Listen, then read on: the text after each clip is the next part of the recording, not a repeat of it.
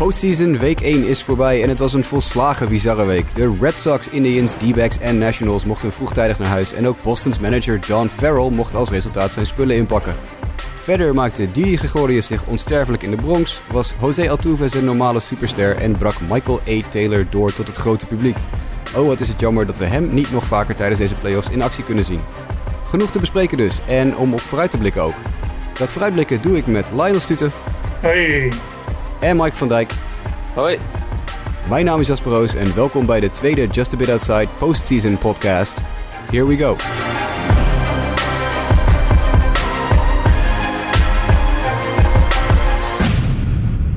Ja, heren, en dan duiken we er gelijk maar eh, met onze neus in.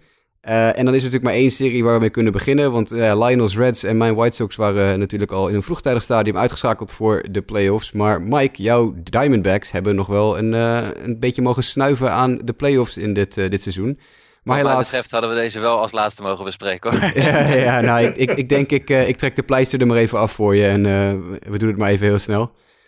Ze hebben het helaas niet gehaald, hè? Nee, dat klopt. Ik bedoel, als je wil bekijken welk team uiteindelijk het meest eh, dominant en eenvoudig naar de volgende, eenvoudigst naar de volgende ronde is gegaan. Ja, dat zijn gewoon Los Angeles Dodgers. Die waren gewoon een klasse, misschien wel twee, drie klasses beter dan de Diamondbacks. Die hebben echt geen kans gemaakt eh, in mijn beleving. Eh, ja, wat moet ik er verder van zeggen? Een goed seizoen gedraaid. Jammer dat het hier, hier ten einde is. Ja, nee, inderdaad. Als je naar die uitslagen kijkt, het was een, een sweep natuurlijk van, van de Dodgers. Drie wedstrijden en klaar.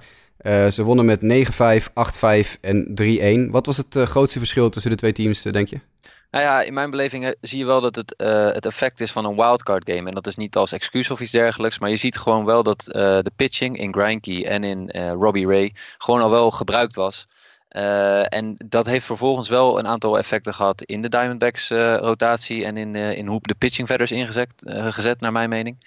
Maar de Diamondbacks speelden die wedstrijden ook gewoon niet goed genoeg. Ze maakten fouten, ze waren slordig en ze wisten offensief ook heel weinig klaar te maken. Waar ze wel eh, van tevoren voor eh, onbekend stonden. Dus eh, nee, de Dodgers hebben gewoon solide de volgende ronde bereikt. Ja, nee, als je de, het aantal hits ook bekijkt van die wedstrijden. 12 hits voor de Dodgers in wedstrijd 1, 12 hits voor de Dodgers in wedstrijd 2, 7 hits voor de Dodgers in wedstrijd 3. Ja, en dat stel je dan tegen, tegen de Arizona's eh, eh, 3, 7 en 8. Eh, dus de Diamondbacks hebben zeker niet slecht gespeeld aanvallend, maar zijn inderdaad behoorlijk eh uitgemapt, denk ik, eh, Ja, door LA. en de, de starting pitching was gewoon iets wat dit seizoen eigenlijk verrassend goed was geweest voor de Diamondbacks. Mhm. En nu zie je eigenlijk dat iedere starter in alle drie de starts, zowel Taiwan Walker als Robbie Ray als Greinke, ja, allemaal vier punten tegen en niet de vijfde inning gehaald. Dus Ja. dat, dat zegt al heel veel. Ja, Paul Goldschmidt die, eh, die deed nog wel het een en ander goed. Die, die had nog wat, eh wat home runs in zich, maar ja, dat was eigenlijk de enige echte grote man hè, aanvallend bij de Diamondbacks. Ja, ja, er waren wel een aantal goede solo home runs, waaronder ook van eh, JD Martinez, die we denk ik zijn laatste wedstrijd hebben zien spelen in een Diamondbacks nu voorlopig. Maar nee, het was, het was offensief gewoon matig. En Goldsmith is de enige die dan, nou ja, hij heeft niet heel veel geslagen in die series, maar ja, hij, hij wist nog wel iets te doen. Ja. Eh, Lionel, als je nu kijkt naar de Dodgers, hè, die hebben natuurlijk eh, relatief veel rust gehad. Hebben geen wildcard hoeven spelen. Hebben maar drie wedstrijden hoeven spelen. eh, waarna ze alweer klaar waren in de Division Series. Hebben dus stevig uit kunnen rusten. Dat kan je niet zeggen van hun tegenstander in de volgende ronde. De Chicago Cubs, die echt tot het gaatje hebben moeten gaan. Is dit nou een, een voordeel voor de Dodgers? nu we die, die serie met de Cubs ingaan. De manier hoe zij zich hebben kunnen voorbereiden op die, die wedstrijd? Nou ja, ze zijn in ieder geval natuurlijk een stuk uitgerust. Hè. Dat kan je gewoon niet ontkennen. Ze hebben drie games gespeeld die ze vrij makkelijk over de streep hebben getrokken, alle drie. En als je kijkt naar wat de Cubs al hebben moeten doen, dan kan je gewoon niet ontkennen dat de Dodgers in ieder geval op dat vlak een voordeel hebben. Zeker ook met, eh, als je kijkt naar eh, hoeveel rust ze de armen hebben kunnen geven. Eh, dat is gewoon een voordeel. En dat, ja, dat zal zeker zijn effect gaan hebben in, in de komende series. Dat, dat kan bijna niet anders. Nee, dat, dat denk ik ook. Ehm, Mike, wie sprong er voor jou het meeste uit in deze serie? Is er een speler waarvan je denkt van nou, die was echt eh, ja, playoff ready en, eh, en daar kunnen we nog veel van gaan verwachten in de komende weken? Ja, onze landgenoot eh, Kenley Jansen, die vond ik wel aardig Ja, goed. Ja, die was Eh, fantastisch. precies, maar dat is vooral even, even qua pitching. Maar wat mij gewoon opviel was ook de, de line-up van de Dodgers zit gewoon ja, op de een of andere manier verrassend, nou niet verrassend, maar gewoon goed in elkaar. En het is niet dat ze iedere keer de ene en de andere geweldige powerhitter naar de plaats sturen. Maar weet je, Justin Turner krijgt zijn hits, slaat zijn punten binnen. Corey Seager doet mee. Chris Taylor, die ook een goede serie had in alle wedstrijden een hit. Het, het, het klopt gewoon. Ja, nou, Lionel, had jij een, uh, een speler die je er even uit wil lichten bij de Dodgers of de D-backs? Kan natuurlijk ook. Nou ja, Mike noemde hem al even, maar ik vond Justin Turner vooral in die eerste wedstrijd heel sterk. Hè? En uh, ik denk dat daar nog wel meer in zit, uh, ook in de komende serie. Ik, ja, daar ben ik wel echt, echt positief over. Wat ik een beetje miste bij de D-backs, Mike, ik weet niet hoe jij daar tegenaan kijkt. Wat ik sterk vond aan de D-backs in het seizoen, was de manier waarop ze met, met het baserunnen omgingen en dergelijke. Hè? De agressieve, daar hebben we het ook een keer in een van de uitzendingen over gehad. En die kansen kregen ze helemaal niet. En je ziet dat dat team dan gewoon gewoon gelijk een stuk gedesoriënteerd lijkt. Gewoon in hoe ze het spel dan moeten aanvangen.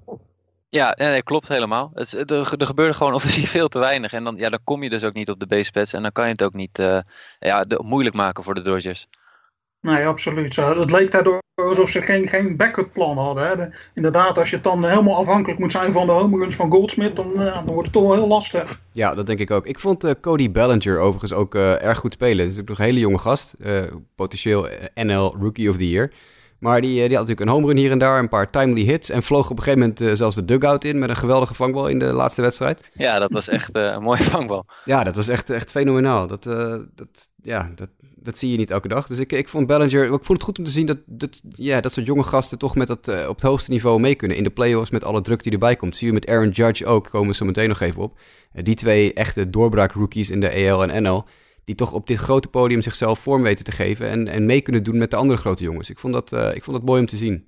Ja, zeker. Ja, en ik denk dat we zo meteen ook nog wel bij namen gaan komen die daar wat minder goed mee omgingen. Maar Bellinger verrast dit seizoen gewoon eigenlijk op alle fronten. En uh, uh, ja, ik denk eigenlijk dat er geen discussie meer over is wie er eigenlijk Rookie of the Year is uh, in de NL. Nee, dat denk ik ook. Ik denk dat, daar, ja, dat we daar wel een, een, een, boekje over kunnen sluiten, ja. Um, de Diamondbacks zijn eruit. Kijken we alvast even heel kort naar volgend seizoen, uh, Mike. Dat gaan we met alle teams die uitgeschakeld zijn even heel kort doen. Wat, uh, wat zijn de verwachtingen nu voor de Diamondbacks? Wat gaat het offseason brengen en wat gaat het volgend seizoen brengen voor ze? Poeh, nou ja, uh, ik denk eigenlijk dat het heel lastig wordt om dit te gaan evenaren. Omdat het, uh, ze waren, gingen er eigenlijk zonder verdere verwachtingen in. En nu krijg je toch weer van, hey, je hebt de playoffs gehaald, zeker 90 wedstrijden gewonnen. Nou, hoe gaan we dat volgend seizoen weer doen?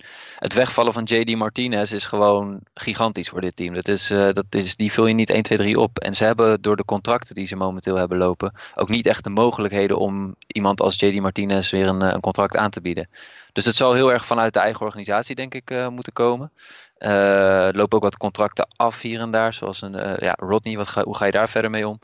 Dus uh, ja, Mike Hazen krijgt een zware opgave, naar mijn mening. Maar ja, op zich zijn, blijven er ook veel pieces beschikbaar nog steeds. Goldsmith blijft als het goed is.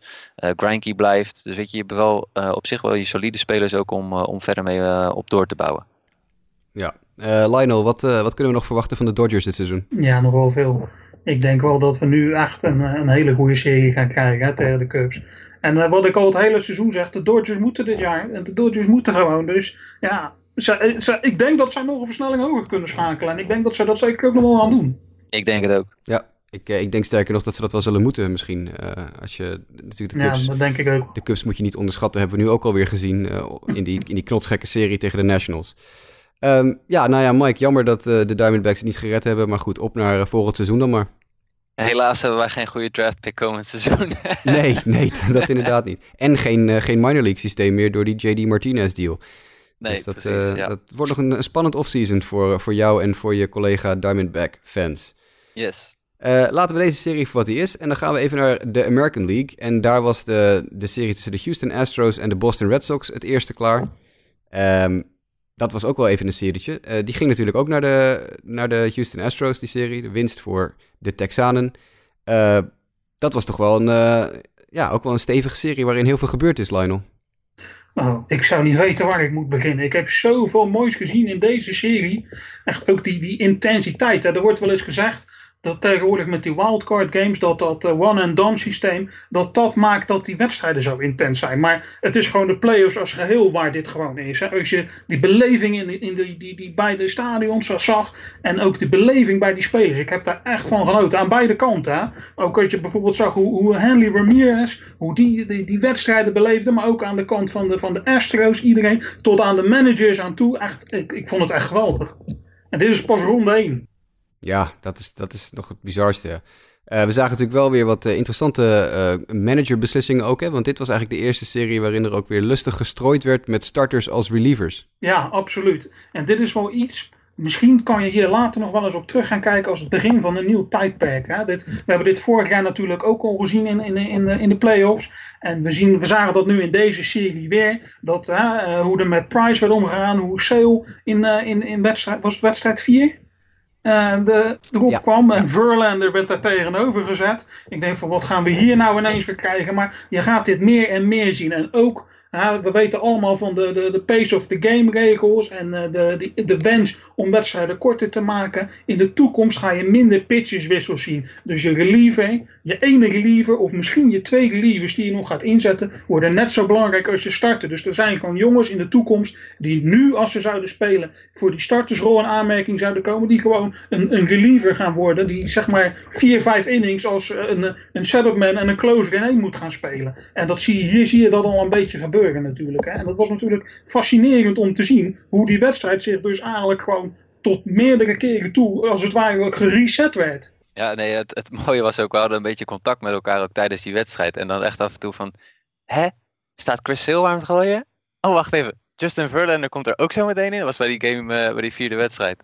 En dat je echt denkt van wat, wat gebeurt er nu? Ja, maar ja, Het, het, het, voegt wat dat betreft ook, omdat het in die zin uh, vrij vernieuwend is, uh, of in ieder geval, uh, we hebben de tijd niet gezien dat starters op die manier zo gebruikt werden, is het, voegt het enorm veel sensatie toe. En we hebben hele succesvolle voorbeelden gezien tot nu toe in de postseason daarvan, maar ook minder succesvolle, daar komen we zo meteen ook op. Maar ik vond dit ook gewoon de Astros Houston Series, ja, was geniet. Het had echt voor mijn gevoel alles. Ja, nee, eh, volgens mij was het Lionel die uh, eventjes van huis weg was en op een gegeven moment ons maar begon te whatsappen van... hey, jongens, is mijn telefoon in de war of staat Verlander tegen Sale nu ineens op de heuvel? Dat, uh, dat ja, moest ik ook wel even om lachen. Ik, ik, we zitten ergens, het was ergens inning 6, inning 7 en ik zie staan, eerst zie ik dat Sale komt en daarna zie ik inderdaad staan dat Verlander komt. Ik denk van ja, iemand zit me hier gewoon voor de gek te houden. ja, ja. Die Twitter-accounts Twitter zijn gewoon gehackt, maar het bleek gewoon echt waar te zijn. Ja, fantastisch. Maar, ja, nee, fantastisch, fantastisch. Maar ik heb natuurlijk veel meer mooie dingen gezien. Hè. Laten we dat even niet vergissen. Uh, daar even uh, niet in vergissen. Ik vond uh, Jose Altuve echt geweldig. Zeker in de eerste paar wedstrijden. Wedstrijd 1 en wedstrijd 2 was die echt heel goed. Ik vond later, vond ik, en dat, dat is iemand die we niet zo heel veel besproken hebben dit jaar. Ik vond De Vers vond ik heel goed. Ja. ja. die vond ik echt voor iemand, hè, want we hebben het gehad over jongens die voor het eerst op deze plek staan zoals uh, Judge en uh, Bellinger noem je net. Maar ook deze jongen was er ook voor het eerst. En aan de andere kant, Alex Bregman was er ook voor het eerst. Eerste bal die hij krijgt, boem, stadion uit. Ja, ik ben zo'n ontzettende fan van uh, Alex Bregman. Dat ben ik al vanaf zijn honkbalweek tijden. Toen speelde hij voor Team USA.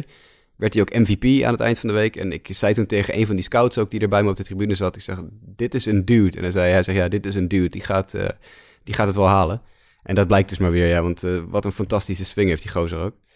Um, nee, het, het, was een, een, interessante serie ook als je, als je naar de scores kijkt. Hè? Want eigenlijk de eerste drie wedstrijden waren blowouts. Ik bedoel, eh, Houston wint wedstrijd 1 met 8-2. Dat was echt, uh, nou ja, Sale werd uh, behoorlijk aan stukjes geslagen en Verlander hield het aardig vol. Dus nou ja, 8-2 Astros. Wedstrijd 2, 8-2 Astros. Wedstrijd 3, 10-3 voor de Red Sox. Dus dat is weer een hele andere soort van blowout. En dan wedstrijd 4 is ineens super spannend. En die, die eindigt dan uiteindelijk uh, 5-4 met nog uh, de Red Sox die in de laatste inning nog een punt erbij scoren en, uh, en, en, gelijk leken te gaan maken. Maar dat gebeurde dan weer net niet. Het is eigenlijk een hele, heel bizarre scoreverloop voor deze serie. Ja, absoluut. En uiteindelijk gaat natuurlijk de boeken in dat gewoon Houston eigenlijk gewoon geen moment in de problemen is geweest. Maar heb je die wedstrijden gezien, dan, dan zal het toch meer lijken alsof ze het over de streep hebben moeten trekken. Ook al is het in vier wedstrijden gebeurd. Hè? Ja. Het, uh, het, het, momentum schoof natuurlijk toch wel op richting Boston steeds meer. Maar ja, net niet genoeg.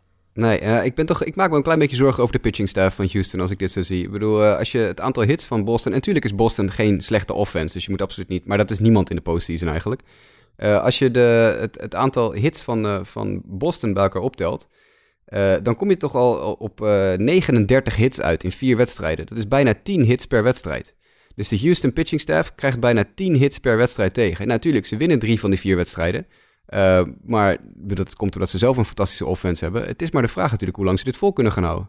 Ja, maar ja, dan kom je weer terug op waar we het net over hadden. Het is natuurlijk niet voor niks dat Verlander in wedstrijd 4 ineens opgeofferd wordt om eh, als uh, reliever in het vak te komen, dat, dat, op de heuvel te komen. Dat zegt natuurlijk ook iets over, nou, zij zien zelf ook dat het niet helemaal gaat zoals het zou moeten gaan. Dus, Ja, je eh, hebt die, ze zijn denk ik wat dat betreft wel voor een groot deel gebouwd op die, eh, die one-two punch van eh, Verlander en, en Keigel. mhm, absoluut. en, en dan hoop je misschien nog dat je nog een beetje een goede start een keer uit een Peacock of een Morton krijgt. Maar ja, nee, het is, de, de- de- je zorgenpuntje is denk ik terecht. Wat mij wel opviel, hè, dat is iets heel anders nu we het over Verlander hebben. Het is toch wel heel lekker, dat bl- blijkt nu maar weer als team, en dat zag je verleden jaar ook bij de Cubs. Als je dan rond de, de, de trade-periode kan handelen vanuit beelden. Hè, dat jij niet je zwakke plek hoeft op te vullen, maar dat je gewoon je sterke team nog sterker kan maken. Hè, met bijvoorbeeld zo'n Verlander en eh, hoe heet die jongen die liever van eh, Toronto die gekomen is?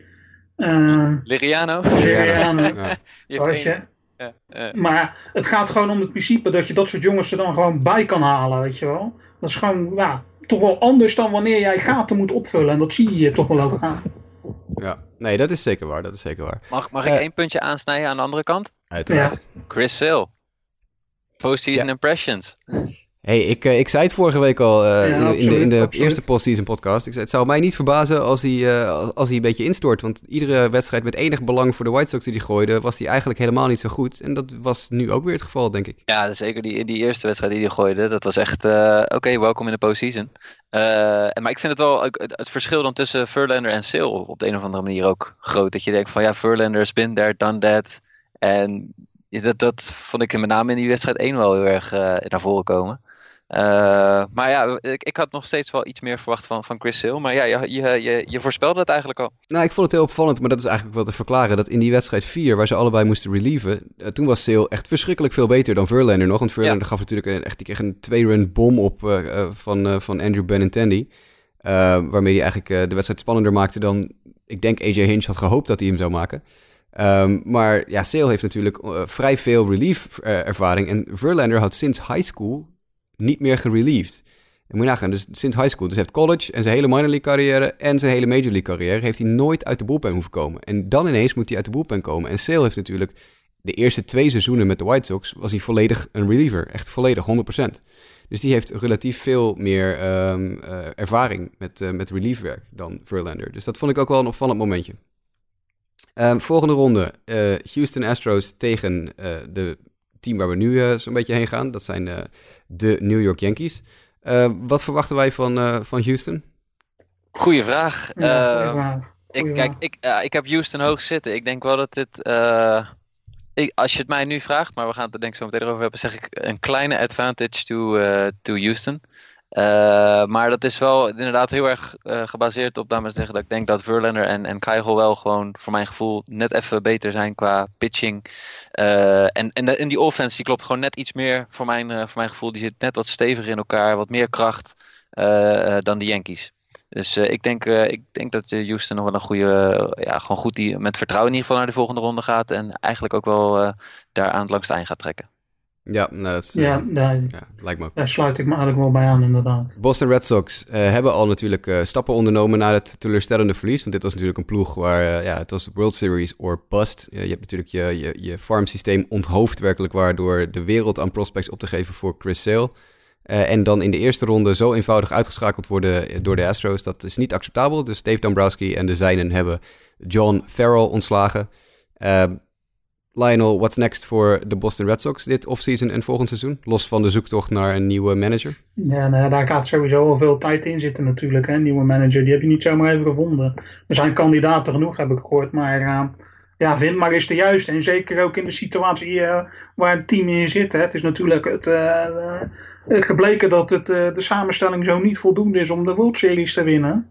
Of zelfs maar voorbij de, de DS te komen. Dus er zal toch wel bij moeten komen. En tegelijkertijd moet je ook aan de toekomst denken. Want die toekomst heb je natuurlijk eh, behoorlijk te grabbel gegooid eh, door de deals die je dit jaar gesloten hebt. Dus ja, er zal toch wel flink wat werk aan de winkel eh, zijn. Misschien moet je het wel gaan omdraaien de- inderdaad. Moet je nu gaan, gaan, al gaan denken aan een, aan een rebuild. En gewoon zeggen van ja, jammer, maar eh, 2018, 2019 en misschien zelfs 2020 gaat het niet veel worden. Maar we gaan ons op daarna richten. Ja, het zou zomaar kunnen. Een van de, van de Boston Red Sox eh, beatwriters die had al een heel artikel geschreven op, geloof ik, de Masson website, dat het probleem veel dieper zit bij de Red Sox dan alleen de manager. Dus het schijnt eh, best wel een beetje problematisch te worden in Boston. Dus voor alle Red Sox fans in Nederland is het te, Nederland is het te hopen dat ze dat eh, een beetje onder controle krijgen en een goede manager eh, aanstellen. maar dat zullen we even af moeten wachten. Schuiven we op naar de grote rivaal van de Boston Red Sox. Want dan gaan we kijken bij de New York Yankees tegen de Cleveland Indians. Dat werd ook een, een spannende serie. En ik denk dat, nou ja, ik denk dat niemand van ons had aanzien komen dat de Yankees uiteindelijk met de winst in deze series aan de haal zou gaan. Volgens mij is dat wat we vorige week inderdaad zo, zo voorspeld hadden. En, en hoe dan ook, hè? 2-0 achter in de series, beginnend. Uh, en dan toch nog uh, drie wedstrijden achterin volgens winnen en die serie winnen. Ja, notabene tegen een team dat uh, sinds juli geloof ik niet meer drie wedstrijden op rij verloren had. En intussen dat ook nog even een winstreak van 22 wedstrijden liet lopen. Dus dit was denk ik wel een opvallend geheel alles bij elkaar. De Yankees begonnen natuurlijk heel matig aan die series. Hè, met een 4-0 verlies in wedstrijd 1, waar Trevor Bauer echt fantastisch was. Jouw, jouw dude Mike, Trevor Bauer. En Lionel, onze, oh, Lionel, onze, onze dude. absoluut, absoluut. Nou, dat, was, dat vond ik heel verrassend. Want ik, uh, ja, ik, ik ben toch altijd een beetje sceptisch over Trevor Bauer geweest. En gelukkig had ik ook nog een heel klein beetje gelijk later in de series. Maar in die, in die wedstrijd heeft hij me ontzettend uh, verbaasd in positieve zin. Was hij echt fantastisch om naar te kijken.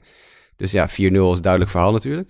Uh, wedstrijd 2, ja, dat was ook een, een winst voor de, voor de Cleveland Indians. Maar dat was een wedstrijd die 13 innings ging maar liefst. En uiteindelijk in de tweede helft, 13e inning, was het Jan Gomes met, uh, met de winnende hit. Ja, bizarre wedstrijd toch? Uh, uiteindelijk, als je die wedstrijd gewoon uh, nog eens terug bekijkt.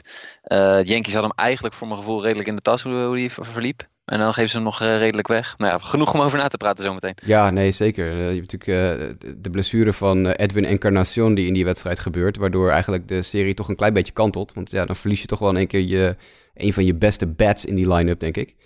Het zag er niet lekker uit wat hij met zijn enkel deed. En natuurlijk de Grand Slams van Aaron Hicks. De Grand Slam, enkelfout. Van Aaron Hicks. Dat was een, een, hele belangrijke hit voor de Yankees. Maar toch de wedstrijd inderdaad verloren. Nou, dan sta je 2-0 achter in de serie. Dan kom je in wedstrijd 3. En eindresultaat 1-0. Ja, En uh, Masahiro Tanaka, hè, sommigen zeiden een Sayong-waardige speler. Ja, sommige mensen zeiden dat, uh, Mike. Ik weet niet wie dat, uh, wie dat was, maar dat was iemand die dat zei inderdaad. Ja, ja, als het erop aankomt, dan staat hij er. Daarom mag hij vanavond ook Game 1 gooien in de series tegen, tegen de Astros. ja, nee, dat is op zich wel een begrijpelijke keuze, want die was inderdaad echt fantastisch. Game-winning home run in de zevende inning van Greg Bird. Dat is toch wel mooi, uh, Lionel. Dat, om die gast terug te zien komen na zo'n seizoen gevuld met blessures. En dat hij dan toch een beslissende hit kan hebben voor zijn team. Ja, absoluut. Als je kijkt naar iedereen die er in de tussentijd bij de Yankees is doorgebroken, eigenlijk was hij natuurlijk uh, de man die dit aanvoerde. Greg Bird was de eerste van de nieuwe generatie die, die, er doorkwam. Maar ja, die heeft de afgelopen twee seizoenen zoveel pech gehad. Dat je verleden jaar al het hele jaar eruit. Dit jaar is het ja, wel beter geweest, maar toch ook nog niet. Hè? Hij heeft niet die stappen kunnen zetten nog die hij zou willen zetten. En dan zo belangrijk zijn op zo'n belangrijk moment. Dat is natuurlijk, natuurlijk uh, wel iets wat hem kan voeden natuurlijk. Ja, nou ja, laten we hopen, want ik vind uh, Greg Bird een, uh, een heel vermakelijke slagman om te kijken. Uh, nou ja, dan staat het natuurlijk 2-1 voor de Indians in de series. En dan komt daar game 4. En dan komt Luis Severino op de heuvel. En die hadden we natuurlijk in de wildcard game ook al gezien. Maar toen ging het iets minder goed dan in game 4 van de, van de ELDS. Ja, hij was ongelooflijk goed in die vierde wedstrijd. 9 keer drie slag. En ook, hij, leefde ook helemaal op in de wedstrijd in, in het momentum. Sowieso de Yankees in die wedstrijd waren erop gebrand om hem te winnen. Uh, nee, dat was, uh, was, uh, was mooi om te zien. Hij was echt heel dominant. En ja, dat was dus de wedstrijd waarin Trevor Bauer begon voor de Cleveland Indians. En dat liep toen echt heel anders dan wat hij waarschijnlijk had gehoopt. Ja, dat was inderdaad geen succes. dat was vrij snel, vrij snel gedaan voor hem. Opvallend aan die wedstrijd vond ik toch dat de, de snelheid waarmee Terry Francona door zijn pitchers heen ging. Want ik geloof dat we in de derde inning uh, al vier Indianswerpers hadden gehad. En ze stonden ook eigenlijk allemaal echt uh, voor uh, twee uitjes. Of, of ja, het, het, waren in ieder geval, hij ging er redelijk snel doorheen. Dat, daar heb je helemaal gelijk in. Ik weet niet wat zijn idee eigenlijk verder daarachter bij is, is geweest. Maar ja, weet je, je probeert toch, denk ik, competitive te blijven in zo'n wedstrijd. En dan op de een of andere manier hem binnen te halen. Maar ja, is dat strategisch ja. geweest als je ook nog een game 5 mogelijk moet spelen? Daar kan je vraagtekens bij stellen. Dat is een heel goed punt, inderdaad. Nou ja, dat, dat hebben we ook gezien in, uh, in Game 5. Want Game 5 was natuurlijk de wedstrijd van Didi. Uh, want Didi Gregorius, uh, ja, fantastische prestatie voor een korte stop, aanvallend gezien. maar die heeft zichzelf nu wel enorm op de kaart gezet, denk ik. Ja, dat lijkt mij ook wel natuurlijk. het, is, het was natuurlijk al bekend dat Didi dit jaar goed bezig was. Hè? Hij was al in bezit gekomen van dat, dat home run record voor die korte stops bij de Yankees. Het is, uh, ja, aanvallend heeft hij zich heel erg gemanifesteerd dit seizoen. En hij zet dat in de postseason ook wel zeker voort. Alleen is het wel opvallend, we hadden het daar net al even over voor, voordat we de opname begonnen, dat hij dan vijf hits in deze series had en dat er bij drie van een home run waren. Ja, dat is inderdaad opvallend. Hij sloeg er twee in deze wedstrijd. De eerste drie Yankees runs kwamen van de knuppel van Didi Gregorius tegen Corey Kluber. Die vond ik tegenvallen in die wedstrijd, Mike. Ja, nou dat is misschien net wel, wat ik ook nog op aanhaken. Het puntje waarom uh, Francona misschien in die wedstrijd 4 gewoon wat meer door zijn bullpen heen ging. Hij denkt, de eerste keer was Kluber niet al te best in game 2. In game 5, hij kan toch niet twee keer, laat maar zeggen, zo teleurstellen. Maar Kluber in wedstrijd 5 was ook gewoon, ja, zeker door die, uh, door die twee klappen van uh, Didi, zag hij er erg hittable uit. En duurde zijn avond ook niet langer dan, dan drie, twee derde inning. Nee, inderdaad. Dat, dat was teleurstellend. En ik denk dat dat de Indians ook uiteindelijk de kop heeft gekost. Het was nog wel lang spannend in die wedstrijd. Het stond heel lang 3-2, maar in de eerste helft van de negende inning scoorden de Yankees nog twee punten. En ja, dan is het Aroldis Chapman tijd voor de Yankees in de tweede helft van de negende inning. En dat was, uh, ja, wham bam, thank you ma'am. Um, en het brengt me gelijk wel bij een puntje waar we ook even bij stil moeten staan. De Yankees bullpen. Goedemiddag. Ja, ja die is, uh, daar, hebben we het uh, over gehad toen ze bij de White Sox gingen shoppen. En toen wij zeiden, nou, daar hebben ze nog goede, goede zaken mee gedaan. Want dat kon nog wel eens uh, goed uitpakken als ze de postseason halen. En ja, je ziet het nu op uh, iedere keer dat ze naar die bullpen gaan. Dat het gewoon super dominant is. In, in game 4 was ook uh, jouw vriend uh, Canely. Ja, genoten. Ik heb genoten. Ja, twee innings, vijf keer drie slag. Nou ja, in, in die wedstrijd 5 gaat Chapman dan helemaal los. Hè. Twee innings, vier keer drie slag. Ja, ga er maar aan staan als offensieve als, als line-up daar moet je echt wat uh, tegenover kunnen stellen. En uh, op dit moment uh, hadden in ieder geval de Indians er geen antwoord op. Nee, het is ja, niet, niet Chapman was fascinerend. Hè? Dat, daar wil ik wel wat over zeggen. Laten we niet vergeten dat Chapman zeg maar, vlak voor de postseason nog even teruggezet werd. Hè? Dat ja. er even twijfels waren over wat er nou eigenlijk met hem aan de hand was. En dat hij dan nu, ik kan me niet herinneren, hè? en ik heb hem natuurlijk zelf ook vaak genoeg zien spelen, nou dat weten jullie. ik kan me niet herinneren hoe vaak hij op deze manier twee innings gooide. Weet je? ja. Ja, dat, het, echt fascinerend vond ik het. Eh, echt, uh, ze, maar wat zij hebben nu, en dat was wat je bij de Indians heel zag, uh, duidelijk zag dat ze dat niet meer hadden. De Indians, de brandstof was op. Jose Ramirez was echt dramatisch. Ja. Kluber was niet goed. Maar juist bij de Yankees zie je allemaal jongens die nu nog wat over hebben. Zoals bijvoorbeeld uh, Aroldis Chapman en nog wel wat jongens die je gewoon ziet, die hebben nu nog wat over.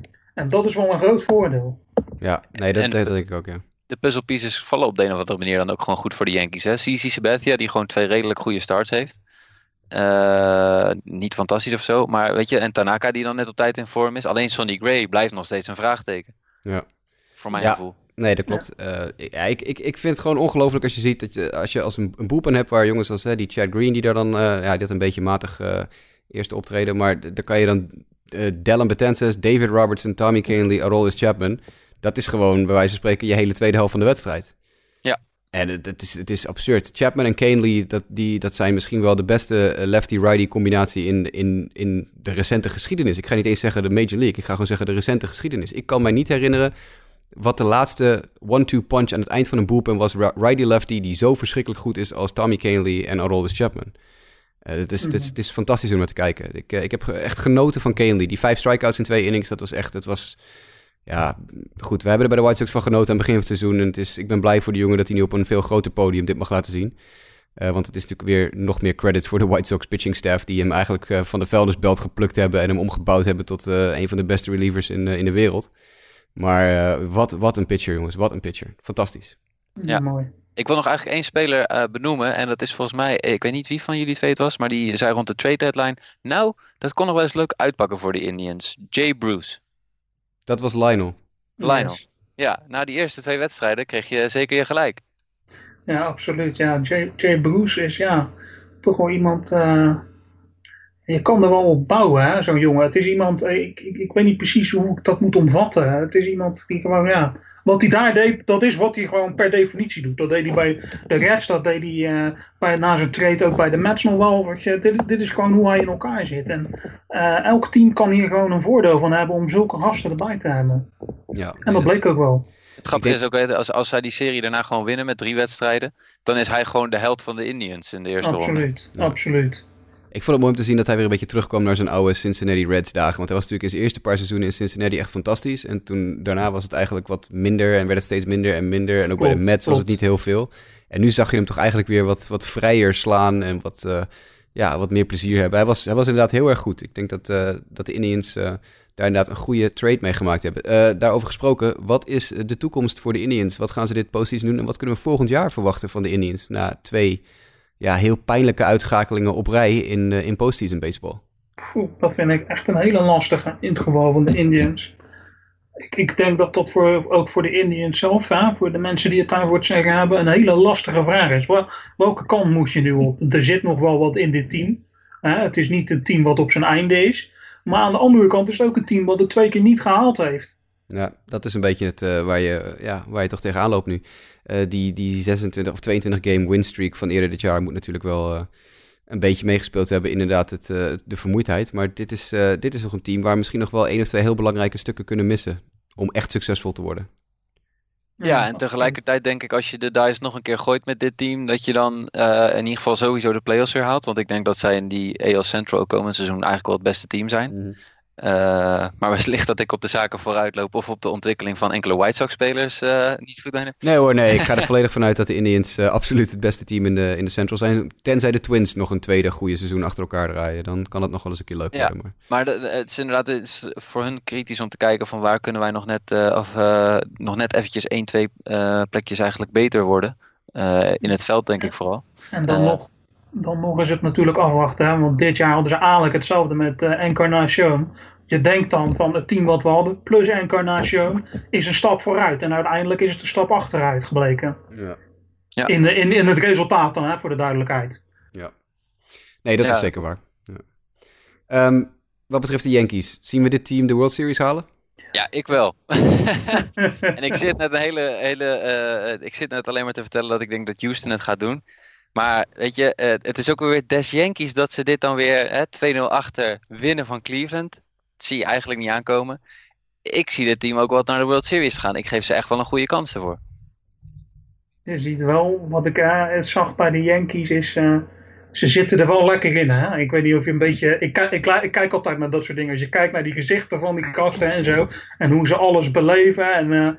Ze zitten er wel heel lekker in. En dat is, ja, ik ben altijd een groot voorstander van uh, hoe psychologie werkt in, in, in, in, sportwedstrijden. Met name in, in dit soort, uh, belangrijk, op dit soort belangrijke momenten. En dan denk ik van nou, de Yankees die hebben het wel lekker voor elkaar. Is, is dat dan psychologisch gezien ook uh, Houston, oké, okay, we moeten nu tegen New York.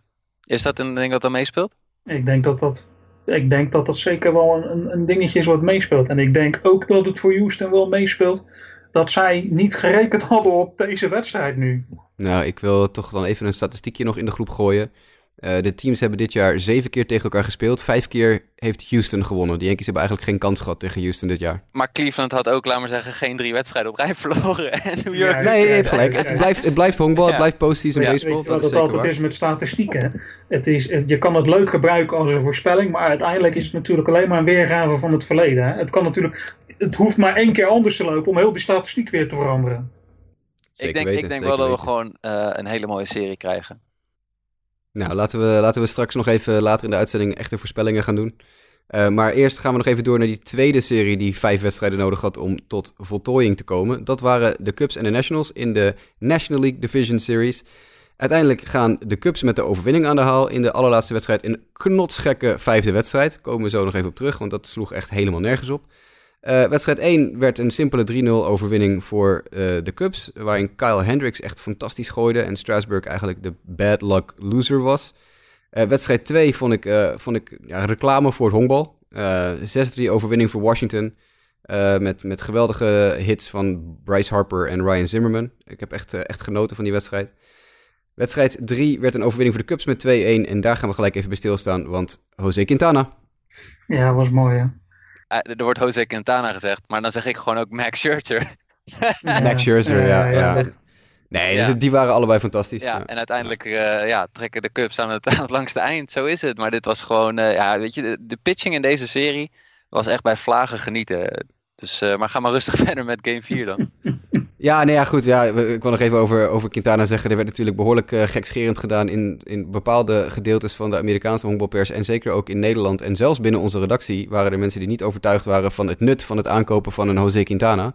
ik wil toch even wijzen op deze wedstrijd. dit is waarom je Jose Quintana haalt, die op gelijke voet door kan met Max Scherzer en de Cubs dusdanig lang in de wedstrijd kan houden dat ze een 2-1 overwinning uit het vuur slepen. Dat kan je niet ontkennen. Het is natuurlijk uh, ook niet, uh, niet voor niets dat de Cubs in de tweede helft van het seizoen beter zijn gaan draaien.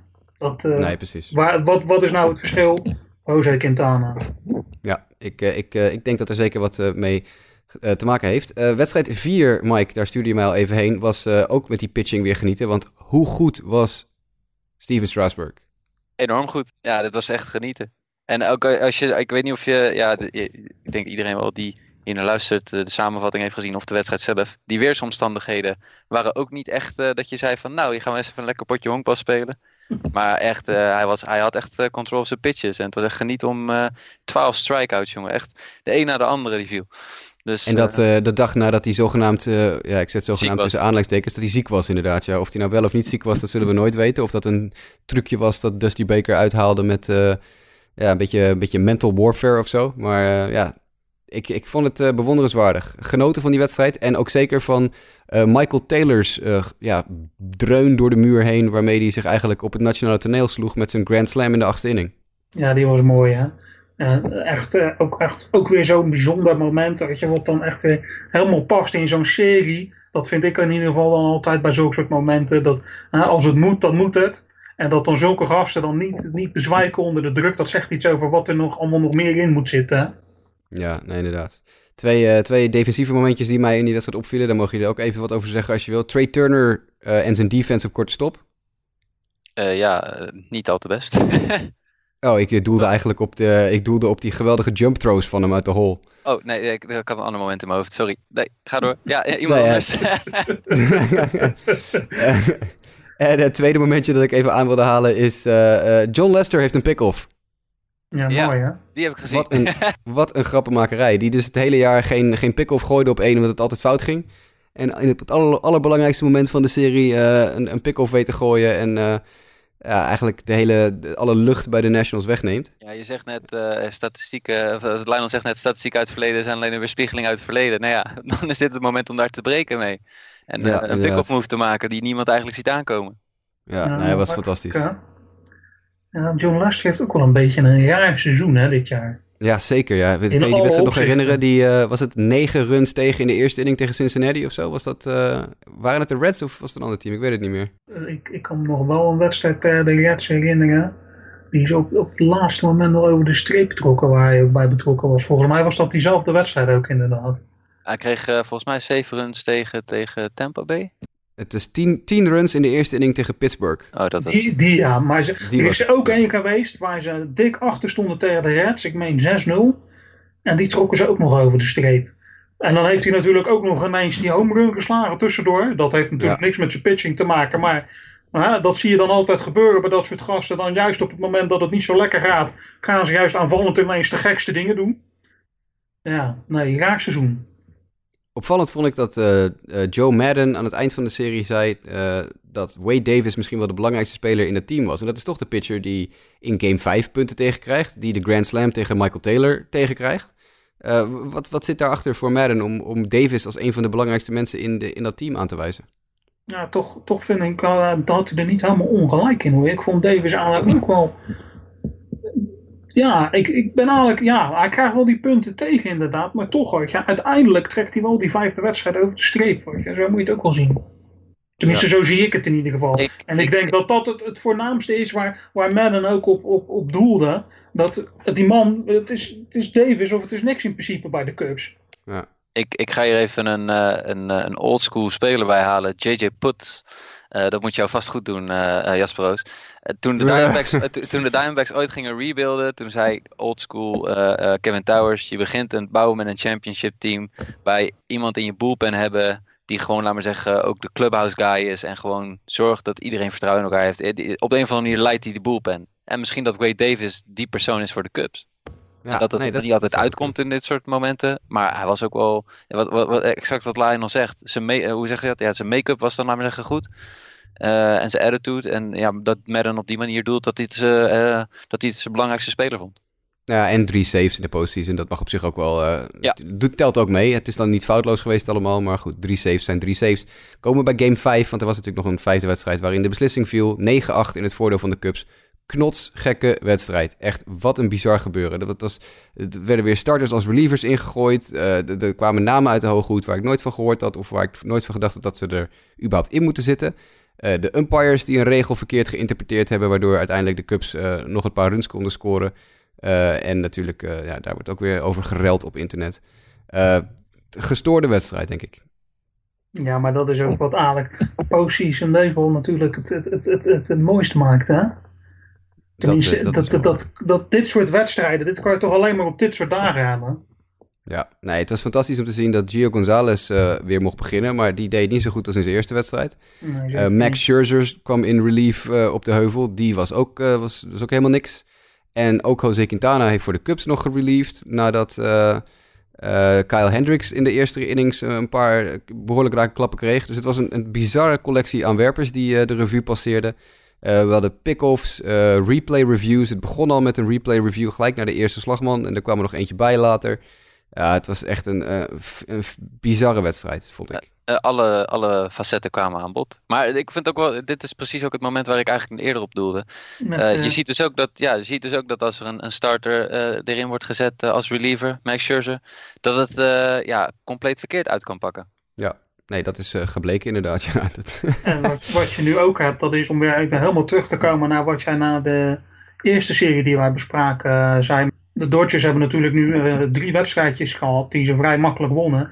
En de Cubs hebben nu natuurlijk uh, deze laatste wedstrijd. Hebben zij, nemen zij mee nu naar die volgende series. Waarin zij al dit soort noodgrepen hebben moeten doen. En dat gaat natuurlijk wel inderdaad meewegen. Ja, daar ben ik ook een beetje bang voor, voor, voor de Cubs. Uh, wat betreft de Nationals, ik denk dat dit een ongelofelijke teleurstelling is voor dat team. Die toch vrij makkelijk de divisie wonnen. En, en toch eigenlijk ook een beetje een World Series uh, in hun ogen hadden. Um, wat is de toekomst van dit team? Ja, dat ja. vind ik een goede vraag.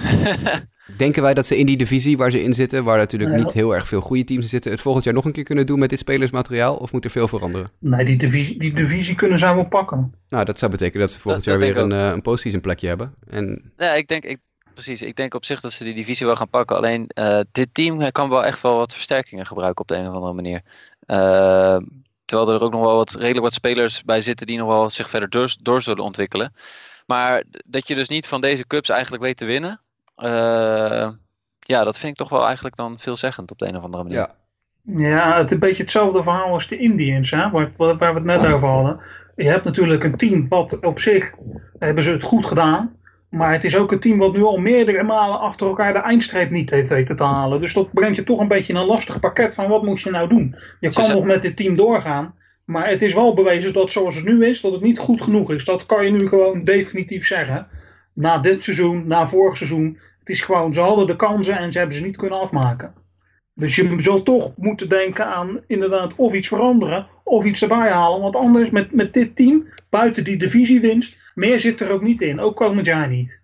Nee, het, het, ze zeiden ook bij MLB.com in de, eh, in de samenvatting, zei ze ook, Washington heeft sinds zijn relocation nog geen Division Series gewonnen. Nee. Nee, dat, ja, is pijnlijk. Nou, ja.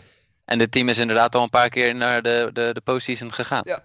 Nou ja, ze hebben in ieder geval één voordeel in de, in de offseason. Er gaat een behoorlijk contract van de payroll af. Want Jason Worth is, uh, dat is einde verhaal. En dat gaat, dan komt er nog even 21 miljoen vrij. Uh, dus misschien dat ze daar nog wat leuks mee, uh, mee kunnen doen. Dat, want ik neem niet aan dat ze een 39-jarige of 38-jarige Jason Worth een nieuw contract gaan aanbieden. Ik denk niet dat die zo belangrijk ik weet, ik weet, Nee, ik weet niet of jullie nog die, uh, die geprobeerde, of die vangwel die die probeerde te maken hebben gezien in de series. Dat was ook een vrij, vrij apart momentje. Ja, die gozer is gaar. uh, dan moet je gewoon een vork in stoppen en klaar. Einde verhaal. Uh, interessant gaat het worden. De Cubs hebben natuurlijk wel een kans nu om de World Series weer te winnen, ben ik bang. Ik moet niet zeggen ben ik bang, maar ik doe het toch. Vorige week zei ik jullie van, ik zou mij niet verbazen als ze dat gaan redden. En daar sta ik nog steeds achter. Ik, uh, ik denk nu wel, in de vorige series, heb ik vorige week gezegd, in deze afgelopen series vond ik ze de, de bovenliggende partij op voorhand. Ik vind nu wel dat ze de underdog zijn. Ik vind de Dodgers de sterkere van de twee. Um, maar dat neemt niet weg dat zij nog steeds gewoon een goede kans maken om, uh, om het toch weer te halen tot de eindstreep. Daar ben ik nog steeds van overtuigd. Ja, nou ja, goed. Als jullie morgen iemand uh, met een heel knalblauw LA-t-shirt door de stad zien lopen, dan ben ik dat. dat was, dat was eigenlijk de round-up van de, van de playoff wedstrijden die we de afgelopen week gezien hebben. En nu begint natuurlijk de volgende ronde, de Championship Series. Championship Series die beginnen met de ALCS, uh, waar de Yankees en de Astros tegen elkaar gaan strijden. We zien in ieder geval uh, vanavond, vannacht eigenlijk, in het eerste duel Dallas Keuchel tegen Masahiro Tanaka. wat verwachten we van deze serie? In een heel, heel korte overview even. Ik denk twee teams die er echt uh, vol voor gaan. Maar ja, dat is in, uh, niet meer dan logisch. uh, ik verwacht wel dat er. De, de, de, ik, ja, ik ben heel erg benieuwd of we die dominantie van de Houston pitching blijven gaan zien. en hoe die omgaan met, met de druk. Maar kijk, ik heb net al eigenlijk uitgelegd dat ik denk dat als ik er rationeel naar kijk, dat Houston net gewoon iets beter is. sterkere offense. En met die twee pitchers, Keuchel en, en Verlander, verwacht ik eigenlijk dat ze de serie gaan winnen. Als je mij op gevoel vraagt wat ik hoop dat gebeurt, dan zeg ik de Yankees. Maar ik, uh, ik denk rationeel gezien dat Houston gewoon het betere team is. Um, ik denk dat hier een verrassing uitkomt. Ik denk dat de Yankees deze series gaan winnen. Ik denk dat, um, en dit is puur een gevoelskwestie. Als ik kijk naar hoe die, die, die, die laatste wedstrijd verliep van Houston tegen Boston, dat zij wel moeite hebben met druk in deze vorm van druk, dat ze dit niet gewend zijn. En ik denk dat er voor de Yankees minder druk bestaat, omdat zij simpelweg al veel verder gekomen zijn dan dat ze ooit hadden gedacht. Misschien dat die druk zich nu gaat opbouwen, omdat ze ineens het idee krijgen van, goh, we kunnen deze series gewoon gaan winnen. Maar toch, hou ik het, ik denk dat de Yankees hier wel eens gewoon als de verrassende winnaar uit kunnen komen en naar de World Series kunnen gaan. Alright, nou, dan... Uh ga ik toch Bring gewoon in met... stat guy. Nee, nee, ik, ik, ik, heb, ik heb geen statjes hiervoor. Ik ga gewoon blindelings voor de Astros. Want dat doe ik al het hele jaar. Ik roep al het hele jaar, het hele jaar dat uh, de Astros de World Series gaan halen en misschien wel winnen. Uh, dus ik blijf bij mijn pick. Ondanks dat ik natuurlijk uh, vorige week heel enthousiast ineens de Diamondbacks over de Dodgers koos. Dus dat ik natuurlijk gewoon... ja, waar dat vandaan kan, weet ik niet. misschien was Mike's euforie over de wildcard game had een beetje te veel invloed op mij. maar los daarvan... Uh, sorry, sorry. Nee, het is allemaal prima, jongen. Ik ben verantwoordelijk voor mijn eigen domme keuzes. Hè? Nou, dat waren de Diamondbacks vorige week. Dus misschien zijn de Houston Astros wel mijn volgende domme keuze. Maar ik, uh, nee, ik kan niet anders dan uh, voor Houston kiezen, inderdaad. ook omdat, denk ik, inderdaad de pitching staff, de starting pitching staff in ieder geval aan de bovenkant wat stabieler is gebleken. Bij de Yankees heb je natuurlijk, je weet nooit wat je krijgt als je CC Sabathia op de heuvel zet. Nee, het kan zijn wat hij van de week deed, dan is hij fantastisch. Het kan ook dat hij zeven runs tegen krijgt in twee innings. En hetzelfde geldt eigenlijk een beetje voor Masahiro Tanaka. Weet je ook niet precies wat je krijgt. Uh, hoewel die wel veel beter is naarmate het seizoen uh, vorderde door, werd hij echt veel beter. Dus misschien heeft hij wel uh, zijn boel weer terug. Maar het zou zomaar kunnen dat hij ook weer zes runs tegen krijgt of zo. En, en dat geldt voor Severino ook, die in de playoffs één wedstrijd heel goed was en één wedstrijd heel slecht was. Dus je weet gewoon niet wat je krijgt. En bij Verlander en Keuchel weet je eigenlijk wel wat, je, wat je krijgt. Um, ik, ik ga toch voor, voor Houston hier. Al, al was het alleen maar om uh, de naam Dallas Keuchel nog een paar keer uit te kunnen spreken. um, dan gaan we naar die andere kant van de series. Want uh, zaterdagnacht beginnen de NLCS. En dan krijg je de, natuurlijk Cubs at Dodgers. Daar begint het mee. Clayton Kershaw natuurlijk al aangewezen als, uh, ja, als starter voor de Dodgers. Dat lijkt me volkomen duidelijk. Cubs weten we nog niet. Dat, wordt dat John Lackey? dat kan. Ja, want ik, ik zat erover na te denken gisteren. En eigenlijk heb je... je hebt uh, Kyle Hendricks die begon, die startte gisteren in game 5. John Lester heeft gegooid in game 5. Jose Quintana heeft gegooid in game 5. Ja. Jake Arrieta heeft gegooid in game 4. Dat is twee dagen geleden, dat red je ook niet. Uh, dus uh, eigenlijk is er nog maar één echte starting, starter over. En dat is John Lackey. Ja, ik denk dat jij een goede case hebt. Ik weet niet of je daar nou mee wil beginnen als je, als je de, Cubs, de Cubs bent. Ik denk dat je altijd een wedstrijd moet spelen om te winnen. Maar als Kershaw op de heuvel staat bij de Dodgers, kan je hem soort van punten. Ja, uh, misschien wel, ja. En, en dan uh, gewoon, ja, dat ze in gaan zetten op in ieder geval de drie wedstrijden thuis. En hopen in ieder geval uh, een van de eerste twee wedstrijden te winnen. maar ja, als je Kershaw op de heuvel hebt staan, dan weet je dat je eigen pitching ook top of the bill moet zijn. En dat kunnen ze denk ik inderdaad nu niet neerleggen op basis van de inzet van pitchers die ze de laatste paar dagen hebben gedaan. Nee, nou ja, misschien uh, dat ze Mike Montgomery uit de boelpen trekken en die maar drie of vier innings laten gooien uh, op de gok. Want ik weet niet of ik nou, uh, ja, of ik heel gelukkig zou worden van John Lackey. Maar goed, aan de andere kant wel veel postseason ervaring. Dus wie weet bijt hij zich weer ouderwets vast in, in een tegenstander en, en kan die de Cubs in de wedstrijd houden. wat verwachten wij van deze serie qua, ja, qua hoogtepunten, dieptepunten en einduitslag? Ik vind dit wel echt een hele lastige. Dat zeg ik wel heel veel op deze uitzending, maar dat... dat, dat, dat het wordt ook steeds moeilijker. Hoe minder teams er over zijn, hoe moeilijker het wordt. Ik vind al deze teams zo aan elkaar gewaagd dit jaar. ik vind ook dat tot nu toe uh, de eerste, de, de, de DS-wedstrijden en de wildcard-wedstrijden waren allemaal echt geweldig. Dat bewijst maar weer dat de teams ook echt over het algemeen op een, een, een team uit de baby state na allemaal heel erg aan elkaar gewaagd zijn geweest. Uh, wat zal ik zeggen? Wat zal ik zeggen? Ja, ik hou het toch op de Dodgers. Ik heb al gezegd dat ik, uh, het, ik geloof dat de Cubs hem kunnen winnen, maar de Dodgers moeten gewoon. De Dodgers moeten gewoon winnen. Je? Uh, een team van 2 miljard. Een team van 2 miljard moet af en toe een prijs winnen. Anders dan kan je het wel gewoon opdoeken. En het zou me ook gewoon leuk lijken om na zoveel jaren weer eens een keer de Yankees tegen de Dodgers in de World Series te krijgen. Lijkt me geweldig. Mike?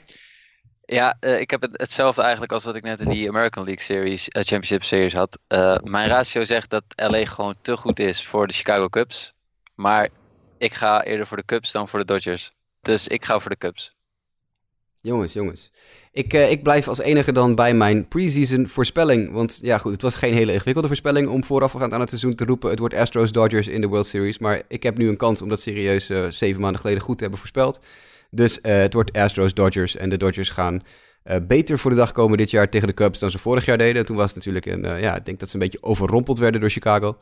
En ik denk dat ze daar beter op voorbereid zijn. Ze zijn uitgeruster, veel uitgeruster.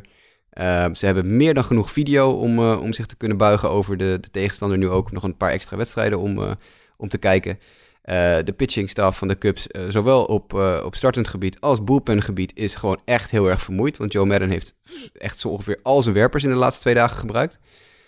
dus ik denk dat dit een, een, ja, een, een, duidelijke kwestie wordt. Ik denk dat de Dodgers met de overwinning aan de haal gaan. En dan heb ik mijn voorspelling ook weer rond. Want dan wordt het Astros Dodgers in de World Series. Nu je dit zegt, hebben de Dodgers vorig jaar niet in de omgekeerde situatie gezeten? Hebben zij niet toen Kershaw ook in een van die laatste wedstrijden in de DS als, uh, als reliever ingezet? Volgens mij inderdaad heb je daar gelijk in. Volgens mij kwamen die ook die kwamen veel vermoeider uit de serie toen dan de Cubs. Ja, precies. En dat hebben ze ook geweten. Het omgekeerde ook, uh, van wat je nu hebt, had je, had je toen in 2016 in deze serie, in deze, deze championship serie, volgens mij. Ja, nou, eh, dat is nog meer reden voor mij om uh, hartstochtelijk voor de Dodgers te gaan. En zoals ik al zei, mijn blauwe LA-t-shirt uit de kast te halen morgen. Um, dan moeten we gelijk maar even ook eraan, jongens. wat wordt de World Series? Ik heb al gezegd, het wordt voor mij wordt het echt wordt het Dodgers Astros. En wat mij betreft winnen dan, ja, dat kan echt alle kanten op. Als ik er eentje moet kiezen, dan zeg ik op dit moment Houston. Maar het zou me niet verbazen dat de andere kant op gaat. Dus ik kies Houston als eindwinnaar van de World Series. Nu mogen jullie ook. De winnaar van Cubs Dodgers wint ook de World Series. Ja, het wordt dus Yankees Cubs. Tot zover de geloofwaardigheid. en uh, uh, ik denk dat de Yankees, uh, die gaan het weer eens doen. Wauw. Nou, leuk. Dan hebben we... Lionel die durft het niet aan om een, om, een, om een echte winnaar te kiezen. Die blijft dus bij of Cubs of Dodgers. Ja, ik, ik, ik neig naar Dodgers, maar ik heb al de hele tijd het gevoel dat die Cubs het gewoon gaan halen. Dus daarom vind ik het zo lastig om de, de, de, om de één uit te pikken van die twee. Gewoon de winnaar van die series wordt ook de winnaar van de World Series. Maar ik, ik, ik begrijp Lionel's punt in die zin ook wel. Kijk, als Cincinnati Red supporter of als Arizona Diamondbacks supporter zou je eigenlijk wel altijd de National League moeten supporten in de World Series. Ja, nou ja, dat, dat doe ik dus niet. Ik, ik ook niet. Ik, ik, ik, ga voor de American League. Maar dan hebben we dus alle drie een ander team. Want het wordt of Cubs of Dodgers voor Lionel. Het wordt de Yankees voor Mike. Het wordt de Astros voor mij. Dus, Justin, uh, wat wil jij? ja, als we eventjes bellen met Justin, dan kunnen we ook eventjes uh, achterhalen wat die wil. Maar ik denk dat we hier maar een biertje op moeten zetten, heren. Ja, dat is goed. Dat is goed. Nou, mooi. Gaan we dat doen. Um, dat is eigenlijk al het einde van onze podcast. Hij heeft weer wat langer geduurd dan we altijd uh, van tevoren plannen. Maar er was ook wel heel veel te bespreken de afgelopen week wat betreft uh, de, de postseason en de playoffs. Het, het is wel, denk ik, uh, als ik daar nog een, een slotwoord over mag, mag inleiden, een ontzettend mooie, spannende, interessante playoff serie geweest tot nu toe. Playoff week eigenlijk. Absoluut, absoluut. Ja, ja ik had een, een, een vriend van me, die is nog niet zo lang een honkbalfan. En die zit er nu ook steeds meer in. En ik zei ook van, kijk, ik zit zelf ook deze wedstrijden te kijken. En het is echt genieten als fan. Als je, als je geen honkbalfan bent en je kijkt deze wedstrijden, dan kan het niet anders dan volgens mij dan dat je fan wordt. Want als je dan begint over de pace of play, of wat, er gebeurt zoveel. Het zijn zulke leuke wedstrijden en er wordt zo goed honkbal gespeeld. Uh, is gewoon genieten. Ja. ja, en die intensiteit, hè, wat ik aan het begin al zei, wat vaak toegeschreven wordt aan die, uh, die, uh, die do-or-die wedstrijden die de wildcard games zijn. Maar je ziet gewoon in al die playoff wedstrijden dat die intensiteit gewoon veel hoger is dan het regular season. En dat is dan weer iets, maar dat is iets wat we misschien volgend seizoen eens een keer kunnen gaan bespreken. Dat idee wat er ligt om naar 32 teams te gaan, een, eh, een, een, een, een ronde, die wildcard ronde, een extra playoff ronde te maken. En dan uh, met 16 teams de playoffs in te gaan, is misschien helemaal nog wel niet zo gek gedacht. Dat is iets waar we het later nog eens over gaan hebben, maar het is wel heel interessant. Ja, ik heb, uh, ik heb genoten, absoluut. Het is, uh, en ik hoop dat het nog veel, veel beter gaat worden. maar echt reclame voor de sport hoor. dit was, denk ik, dit is waarom we allemaal honkbal kijken. we gaan het zien, jongens. We gaan nog even flink wat artikelen publiceren op de website. Dus zeker ook luisteraars die zich vooral focussen op onze gesproken nieuwsberichten. Die de podcast eigenlijk zo'n beetje zijn. Um, de, die kunnen zich ook nog even op de, de website storten. En daar eventjes uh, wat lezen. Want we proberen toch na elke wedstrijd een recap te plaatsen. En we previewen ook de, zowel de Championship Series als uiteindelijk de World Series. Dus er is meer dan genoeg uh, te lezen op Sport Amerika. Ook begint het basketbalseizoen weer bijna. Dus onze NBA-afdeling is weer langzaam op gang aan het komen. Het NFL-seizoen is druk bezig. Dus ook daar staan we met regelmaat bij stil. En ja, voor de rest denk ik dat het uh, ja, een spannende week uh, gaat worden, jongens. Ik, uh, ik, ben, ik ben benieuwd. Absoluut, ik heb er heel veel zin in. Ik had er al zin in en dat is alleen maar sterker geworden na deze eerste, na deze DS-ronde. Het worden weer latertjes, denk ik, voor ons de komende week wat dat betreft. Want het heel, veel, heel veel vroege tijden. Ja, precies. Gelukkig met de Series gaat de klok weer ons voordeel in. Ja, nee, dat is inderdaad waar. Dat, uh, dat, uh, dat hebben we dan weer, hebben we dan weer mee. Um, voor nu, in de tussentijd, kunnen mensen ons ook volgen op Twitter. Dat kan via @sportamerika. We zijn op Facebook, facebook.com slash sportamerika. Mike is mdijk90 op Twitter. Justin is @jwkev. Ik ben @jasperoos. Lionel is uh, zoals altijd mysterieus. En, en dat houden we ook even zo. Ehm, ontzettend bedankt jongens dat jullie weer even met me hebben meegebabbeld. Uh, want het is toch altijd even prettig om dit soort dingen met z'n allen door te nemen. Um, volgende podcast zal zijn waarschijnlijk tussen de CS en de World Series in. Dan blikken we vooruit op de World Series uh, en dan gaan we kijken hoe of wat. En dan komt ons seizoen ook weer bijna ten einde. Maar daar hebben we nog meer informatie over na de World Series. En dan zullen we verder kijken. Luisteraars, voor nu bedankt en tot de volgende keer.